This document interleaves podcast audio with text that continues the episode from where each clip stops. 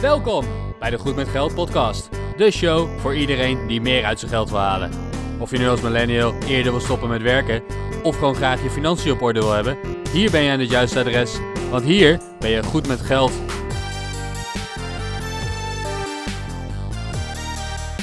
Welkom bij aflevering 22 van Goed met Geld podcast. Mijn naam is Bas en ik ben van firetheboss.eu. En mijn naam is Arjan van stoppenvoormijn50ste.nl. En samen maken we deze podcast om Nederland gewoon ja, goed met geld te maken. En op het blog doen we dat al jaren. En nu zitten we voor de 22e keer achter de microfoon om over geld te praten met jullie. In een, ja, in een radioformat. En dat bevalt ons zo goed dat we lekker doorgaan. Vandaag deel 2 van de miniserie over het ingewikkelde financiële systeem. We gaan het hebben over hypotheken en waar je allemaal aan moet denken. Maar eerst, Arjan, hoe was jouw week?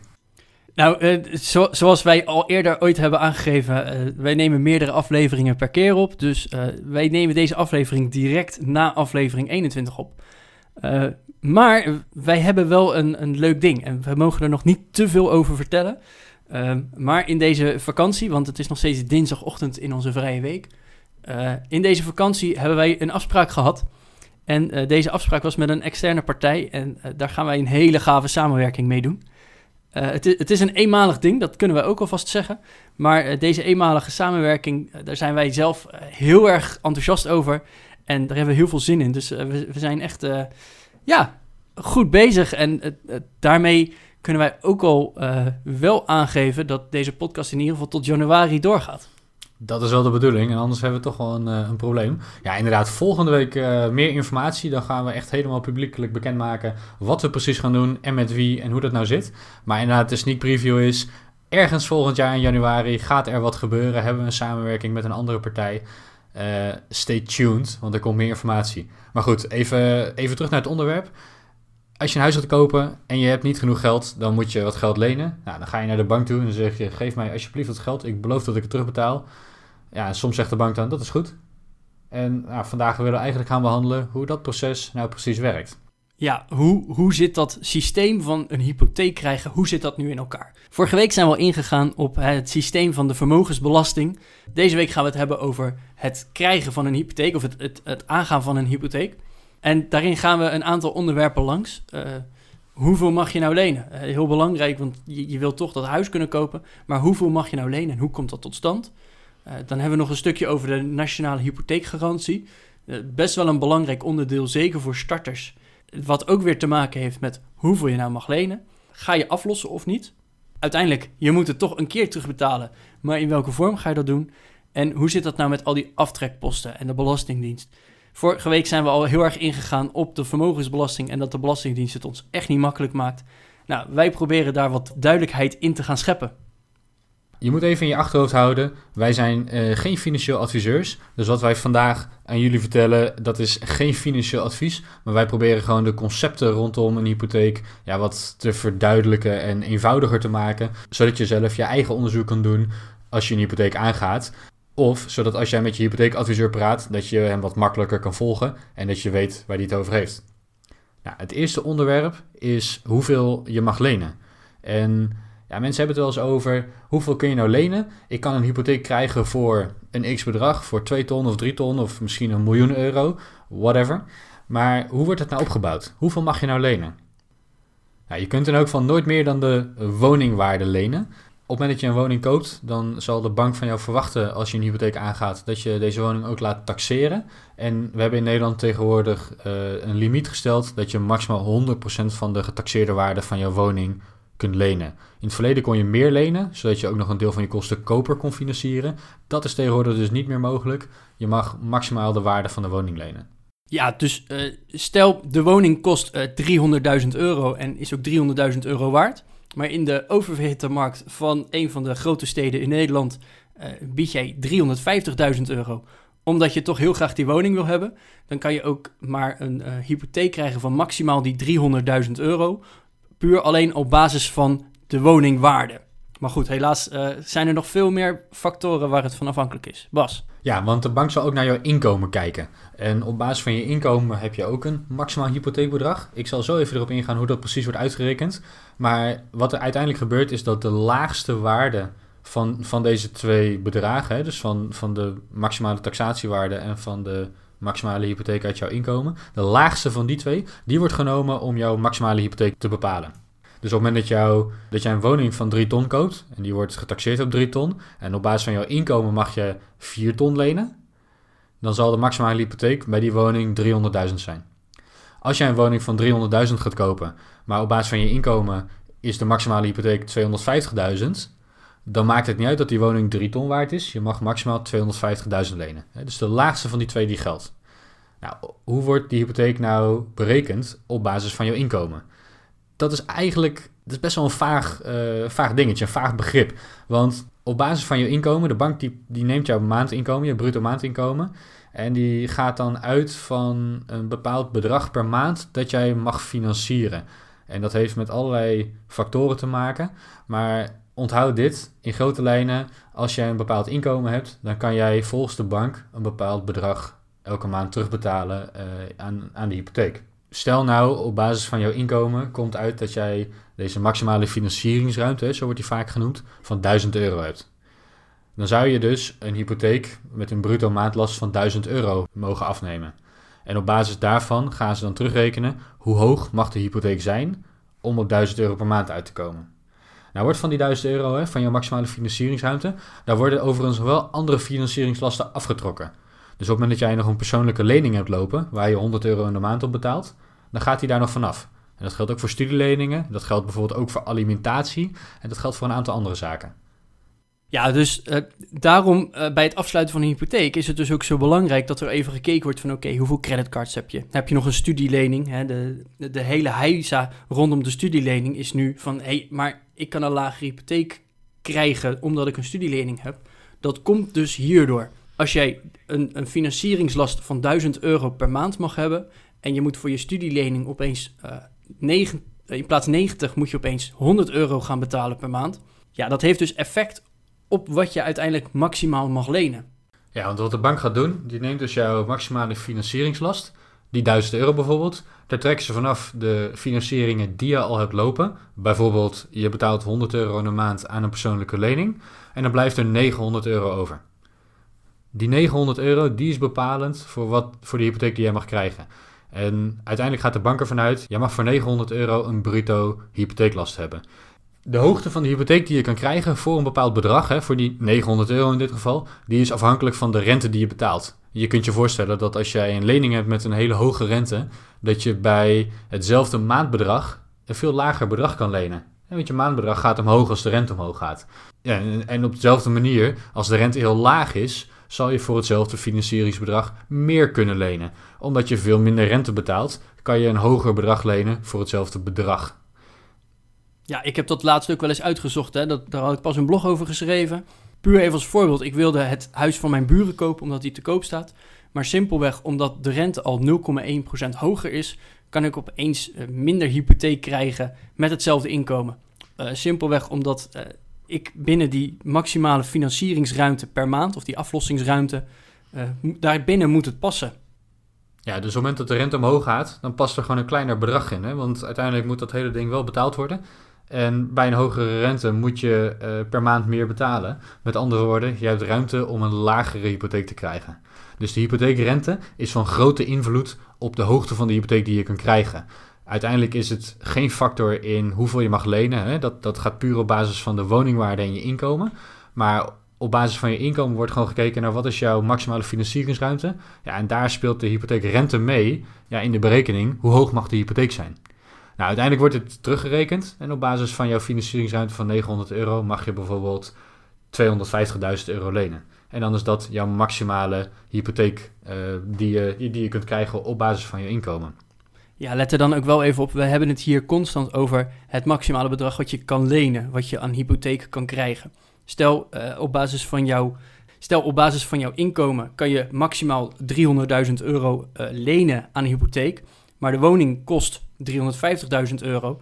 Dat wil niet meteen betekenen dat je die ook niet kan betalen. Hè? Uh, voor hetzelfde geld heb je al 10 jaar heel hard gespaard en heb je gewoon al 70.000 euro op de bank staan. Dan kan je dat bedrag ook gebruiken om uh, mee te financieren in die woning. Alleen de hypotheek zal niet hoger kunnen worden dan die 300.000 euro. Even terug naar de rente. We hebben net gezegd, als de rente lager is, dan kan je meer financieren. Als de rente hoger is, dan kan je wat minder financieren. Um, de NHG, dat is eigenlijk het tweede onderwerp dat we willen behandelen. Die is, uh, die is wel van invloed op de rente. Arjan, wat moeten we daarmee? De NHG, de Nationale Hypotheekgarantie. Ja, dat is eigenlijk een garantie op uh, dat je niet met een restschuld achterblijft. Die restschuld kan ontstaan doordat jij bijvoorbeeld je baan kwijtraakt of dat je arbeidsongeschikt raakt. Dat je daardoor je hypotheeklasten, de maandelijkse betaling, niet meer kan voldoen. Daarop kan de bank zeggen: hey, het is nu genoeg geweest, wij gaan dat huis voor je verkopen. Want ja, wij zien het niet meer gebeuren dat jij die schuld nog terug kan betalen. Nou, in dat geval wordt er een, een, een huis gedwongen verkocht door de bank.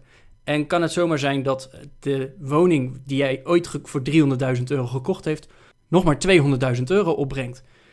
Dan zit je toch nog met eh, die 100.000 euro. Nou, stel, je, hebt, je woont er net, je hebt 20.000 eh, euro daar al op afgelost dan heb je nog een restschuld van 80.000 euro. Nou, met de NHG eh, is de, de garantie die je hebt gekocht, dat is eigenlijk een, een verzekering, uh, dat die 80.000 euro ook afbetaald wordt. Dat je niet met een restschuld achterblijft. Natuurlijk zijn er heel veel voorwaarden aan. Hè. Je mag niet zomaar je huis gaan onderverhuren uh, en waardoor je eruit gezet gaat worden. Want ja, je moet wel gewoon aan alle voorwaarden blijven voldoen. Dat is eigenlijk de principiële werking van de NHG. Ja, je betaalt dus eigenlijk aan het begin als je je huis koopt, betaal je een bepaald bedrag. Dat is een eenmalige verzekeringspremie en daarmee koop je af dat je, uh, nou, dat je nooit met een restschuld komt te zitten als je buiten jouw schuld om een gedwongen verkoop uh, moet aangaan. Ja, eigenlijk heb ik het, het al helemaal verkeerd verteld natuurlijk, Bas. Want ik, ik begon met een voorbeeld van 300.000 euro. Dat vind ik dan mooi klinken.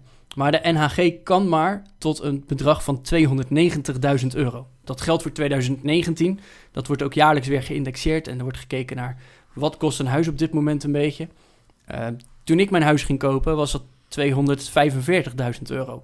Dus dat wordt ook steeds een beetje meer. Maar je kan dus maar uh, de NHG uh, aankopen eigenlijk als verzekering wanneer jouw huis 290.000 euro of minder waard is. Nou, de, de premie die je daarover eenmalig betaalt is op dit moment 0,9% van die aankoopsom. Dus stel jij koopt een huis van 200.000 euro, dan moet je 0,9% aan premie betalen. Ja, maar Arjan, waarom zou ik dan die 1800 euro, of, of misschien bij een duurdere woning nog meer dan dat, waarom zou ik die betalen? Wat is het voordeel dat ik eruit haal? Nou, was heel simpel, het scheelt je gewoon geld. Uh, op het moment dat jij een NHG hebt, vindt ziet de bank ook van: hé, hey, wacht, uh, daar zit minder risico. Want de NHG, de Nationale Hypotheekgarantie, betaalt de restschuld ook meteen. Nou, en voor het feit dat die garantie er is, betaal jij opeens veel minder rente. Jouw rentepercentage daalt met gerust 0,3%. Dus eh, binnen enkele jaren heb je dat eigenlijk er al uit. Oké, dus omdat de bank een lager risico heeft, belonen ze jou met een lagere rente. En dat verdien je na een tijdje weer terug. Ja, en waar we het er net over hadden van hey, hoeveel geld mag je nou lenen? Uh, dat is afhankelijk ook van de hypotheekrente. Want hoe hoger de hypotheekrente, hoe minder je kan lenen. Maar ja, door die NHG wordt de hypotheekrente lager en kan je dus een hoger bedrag lenen. Hé, hey, maar Bas, uh, allemaal heel leuk en aardig, maar die NHG die heeft dus een aantal uh, voorwaarden. de voorwaarde is in ieder geval dat de woning niet meer dan 290.000 euro kost. Maar een andere voorwaarde is ook dat jij aflost op je lening. Dat is niet alleen voor de NHG, maar ook voor de hypotheekrenteaftrek. Maar dat is wel de volgende vraag. Gaan wij nou aflossen op die hypotheek of doen we dat niet? Wat, wat zijn de opties? Ja, er zijn vele hypotheekvormen die je kunt krijgen. En vroeger had je echt een wildgroei aan verschillende soorten hypotheken. Tegenwoordig zijn er nog steeds best wel wat over. Um, en dan moet je denken aan termen als aflossingsvrije hypotheek, een bankspaarhypotheek, een annuitaire hypotheek of een lineaire hypotheek of een beleggingshypotheek of noem het maar op. Allemaal verschillende hypotheekvormen die andere ja, rekenregels hebben en die gewoon op een andere manier gestructureerd zijn. Ze hebben allemaal met elkaar gemeen dat het een lening is die je uiteindelijk moet terugbetalen. Maar de manier waarop je die lening terugbetaalt, die, is, ja, die kan heel verschillend zijn. Bij een aflossingsvrije hypotheek betaal je de lening tijdens de looptijd van de hypotheek niet terug maar betaal je gewoon netjes elke maand de rente over de openstaande lening. En aan het einde ja, verwacht de bank dat je in één keer het hele bedrag terugbetaalt. Bij een bankspaarhypotheek eh, geldt dat eigenlijk ook. Alleen uh, zit daar de component bij dat je een soort geblokkeerde spaarrekening hebt bij de bank waar je de hypotheek ook hebt. Waar je elke maand geld op stort en waar je rente op krijgt. En aan het einde van de looptijd uh, is het saldo op, de, op die bankspaarrekening is dan even hoog als de hypotheeksom. Waardoor je aan het einde van de looptijd in één keer de hypotheek kan aflossen. Of met, met het bedrag dat je gespaard hebt op deze geblokkeerde rekening. Nou, vroeger was dat een hele interessante hypotheekvorm in verband met de hypotheekrenteaftrek die je kreeg. En tegenwoordig kan dat niet meer. Mensen roepen vaak, er zijn nog maar twee hypotheekvormen tegenwoordig. Dat is annuitair of lineair. dat zijn twee hypotheekvormen waarbij je verplicht aflost. Uh, dat is niet helemaal waar. Je kunt nog steeds een aflossingsvrije hypotheek afsluiten bijvoorbeeld. Alleen, ja, je krijgt geen hypotheekrenteaftrek meer. Dus voor heel veel mensen is het gewoon interessant om een annuitaire of lineaire hypotheek te nemen. Nou, zelf heb ik ook een annuitaire hypotheek. En dat houdt gewoon in dat je in 30 jaar tijd, meestal in 30 jaar tijd, het kan ook in minder dan 30 jaar, maar dat je in een bepaalde tijd in elk geval je lening volledig aflost. Ja, dat geldt voor zowel de annuitaire hypotheek als voor de lineaire hypotheek, waarbij je voor een annuitaire hypotheek elke maand hetzelfde bedrag betaalt. Dus je betaalt een deel aflossing en je betaalt een deel rente. En bij elkaar staat je bruto hypotheekbedrag en die blijft elke maand hetzelfde. Nou, wat gebeurt er? Je lost een stukje af, waardoor de rente die je betaalt minder wordt, waardoor de rentecomponent in jouw betaling lager wordt en je dus elke maand een klein beetje minder rente en meer aflossing betaalt. Nou, bij een lineaire hypotheek werkt dat net wat anders. Daar betaal je elke maand een gelijk deel aan aflossing. Dus als je daar een hypotheek van 30 jaar hebt, dan betaal je elk jaar 1 dertigste van de hypotheek terug. En daarbovenop betaal je de rente. En die loopt dan langzaam af, want de schuld wordt kleiner, dus de rente die je betaalt wordt minder. Nou, hoe dat allemaal precies werkt, daar kunnen we wat voorbeelden van geven in de show notes. Maar wat je moet weten is dat je bij deze twee hypotheken in elk geval verplicht aflost en daarmee aanspraak kunt maken op hypotheekrenteaftrek als je aan alle voorwaarden voldoet.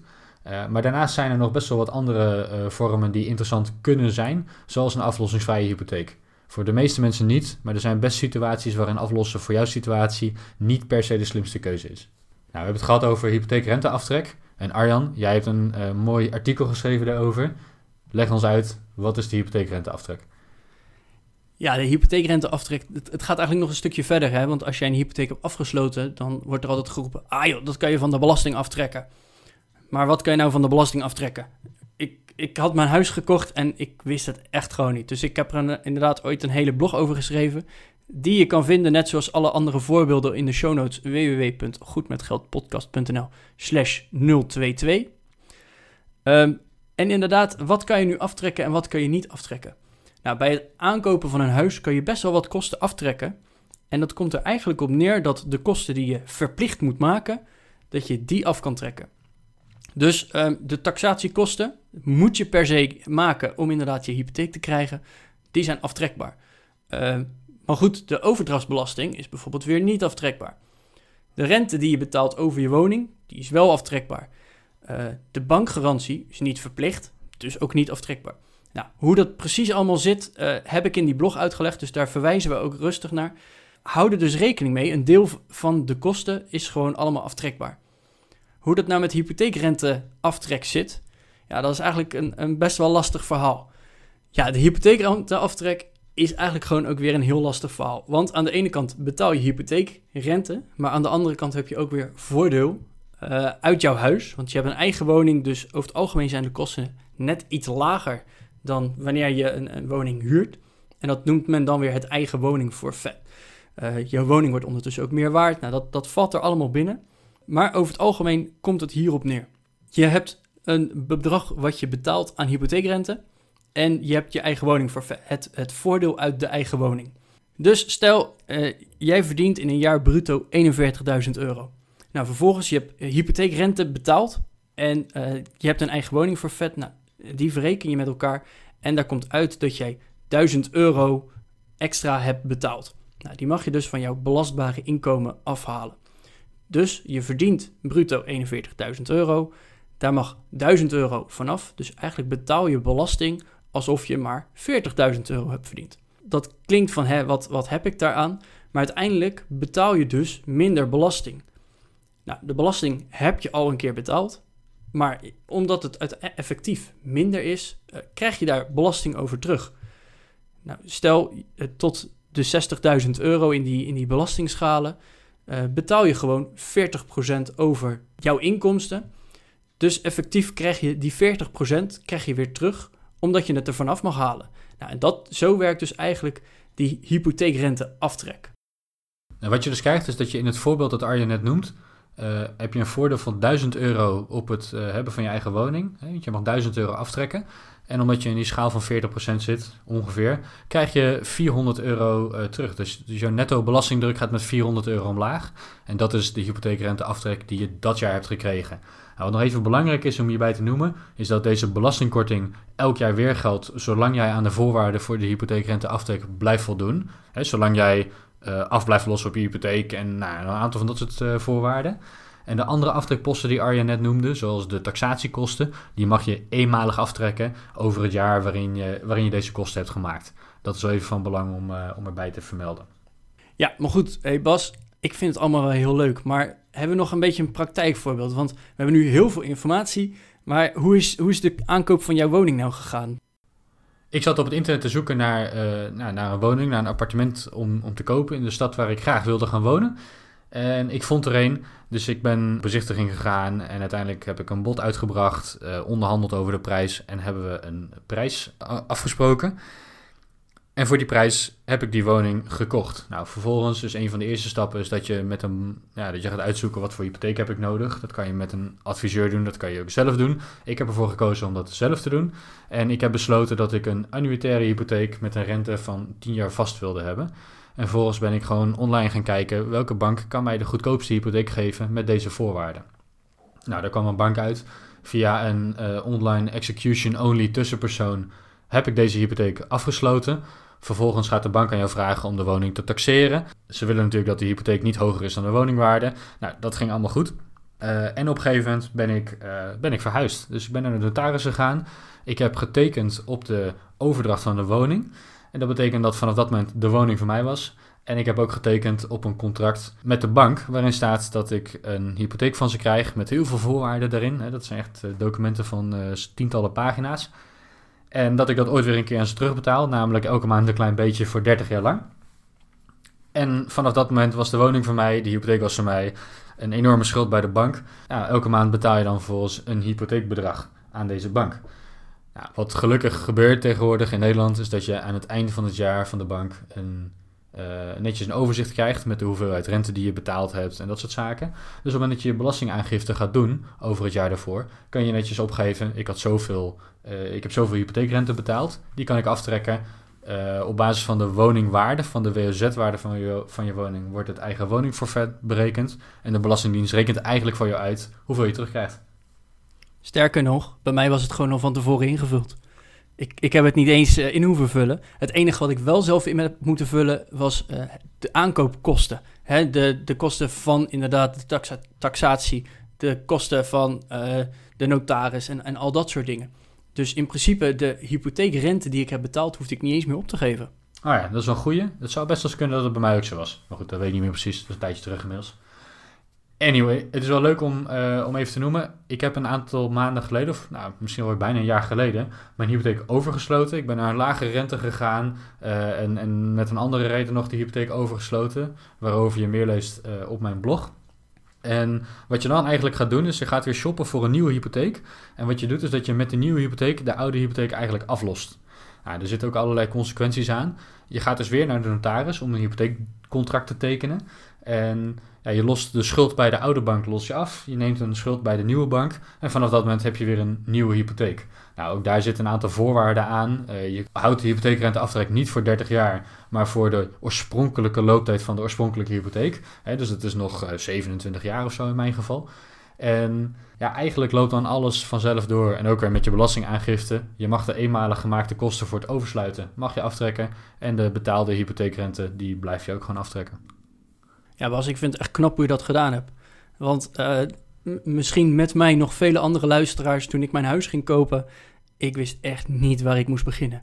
Ik, ik wist dat ik wilde verhuizen, ik, een soort van moeten bijna. Uh, ik wist dat, ik, het, dat het voor mij totaal niet aantrekkelijk was om iets te gaan huren, want daar verdien ik gewoon te veel voor. dus ik wilde graag een appartementje gaan kopen. Maar waar moest ik beginnen? Nou, waar, waar ik ben begonnen, ik ben begonnen bij een van de hypotheekaanbieders en uh, een van de grote hypotheekadviseurs. Ik ga verder ook geen namen noemen, want uh, ja, sponsoren, dat, dat worden we niet. Dus ik, ik ben inderdaad naar zo'n gratis gesprek gegaan van, hé, hey, waar moet ik nou beginnen? Uh, mijn ouders, die hebben altijd gehuurd, dus ja, ik kon vragen, maar zij wisten het antwoord ook niet. En ik ben echt heel blij dat ik naar zo'n adviseur ben gegaan. Gewoon, die kon mij vertellen hoe het nou precies zat, waar ik op moest letten, hoe het proces ging verlopen en, en al dat. En dat is ook iets wat ik heel veel mensen inderdaad graag mee wil geven. En zeker jou als luisteraar, uh, weet je het niet, vraag ook om die informatie. Wij zijn zelf geen adviseurs, maar er zijn genoeg gecertificeerde adviseurs die je er wel bij willen helpen. Uh, natuurlijk, het kost geld. Ze zijn gelukkig ook weer aftrekbaar van de belasting, al die kosten. Maar zorg in ieder geval dat je je in laat lichten. Want ja, het is, je gaat toch een schuld aan van een paar. Dat is ook niet niks. Nou, verder, eh, ik ben inderdaad eh, gaan zoeken. Ik ben op een gegeven moment op een open huizenroute ben ik mijn appartement tegengekomen. En ja, ook, ook daar heb ik me weer laten adviseren door mijn hypotheekadviseur. Hoe breng je nou een bod uit? Hoe gaat dat? Hoe lang moet je wachten? Uh, ondertussen was er ook een familielid van mij die aan het helpen is gegaan met van ja, uh, ga zoveel bieden of hoe kan je de biedingsstrategie nou aan? Uiteindelijk inderdaad is alles helemaal keurig geregeld door mijn hypotheekadviseur. Die heeft mij heel veel werk ook uit handen genomen. Dus ja, dat, dat zijn een beetje keuzes die je daarin maakt. Hoe zeker ben je van je zaak? welke informatiebronnen heb je al? En ja, voor welke informatiebronnen moet je eventueel betalen? Ja, en deze informatiebronnen, dat is natuurlijk waar wij het allemaal voor doen. We hopen dat de Goed met Geld podcast een informatiebron is waardoor jij goed met geld kan worden. Nou, vandaag hebben we het gehad over hypotheken en we hebben geen hypotheekadvies gegeven. We geven ook geen financieel advies. Zoek daarvoor een adviseur op of doe je eigen onderzoek. Maar we hopen dat we jou wel een beetje beter met geld hebben gemaakt. Zodat je bij hypotheken en alle zaken die daarbij komen kijken, ja, dat je gewoon een beetje weet waar mensen het over hebben. Dat je mee kunt praten en dat je je adviseur ook begrijpt ja, dat als jij inderdaad bij zo'n hypotheekadviseur zit, dat je inderdaad kan zeggen: hey, maar hoe zit het nou met die uh, nationale hypotheekgarantie? Dat je gewoon lekker mee kan praten en dat, dat het niet allemaal abracadabra is, maar uh, dat we je al een beetje voorbereid hebben wat je allemaal te wachten staat. Ja, uiteindelijk gaat het allemaal om informatie en als je meer informatie hebt, kun je betere beslissingen nemen. Nou, nog meer informatie dan wij in het afgelopen half uur hebben verteld, vind je op onze website www.goedmetgeldpodcast.nl. Daar kun je op elke aflevering uh, de reacties achterlaten. Laat ons weten wat je ervan vindt. Geef ons ook suggesties voor nieuwe onderwerpen. En ja, als je wil, het zou ons enorm helpen als je op de podcast provider waar je naar ons luistert, op een Apple podcast, op Spotify, als je daar een rating en een review achterlaat. Dat helpt ons om nog meer mensen goed met geld te maken. Ja, Bas, dat is niet alleen voor ons heel goed. Hè? Het, het is ook voor toekomstige luisteraars heel goed. Want uh, stel, jij vindt onze podcast nu echt super tof en je leert er super veel van. Uh, waarom zou je die kennis dan niet willen delen? Op het moment dat jij ons een goede rating geeft, dan komt onze podcast ook weer bij andere nieuwe luisteraars naar boven. Waardoor zij ook beter met geld kunnen worden. Uh, deel ook vooral de linkjes. ik gok zomaar dat heel veel Nederlanders gewoon echt van ons kunnen leren. Dit was deel 2 van onze miniserie over het financiële systeem. We hebben vandaag gesproken over hypotheken en wat er allemaal bij komt kijken. Voor aflevering 22 van de Goed met Geld podcast. Mijn naam is Bas van firetheboss.eu. Mijn co-host Arjan van stoppenvoormijn50ste.nl. Signing off. Tot volgende week. Ciao, ciao.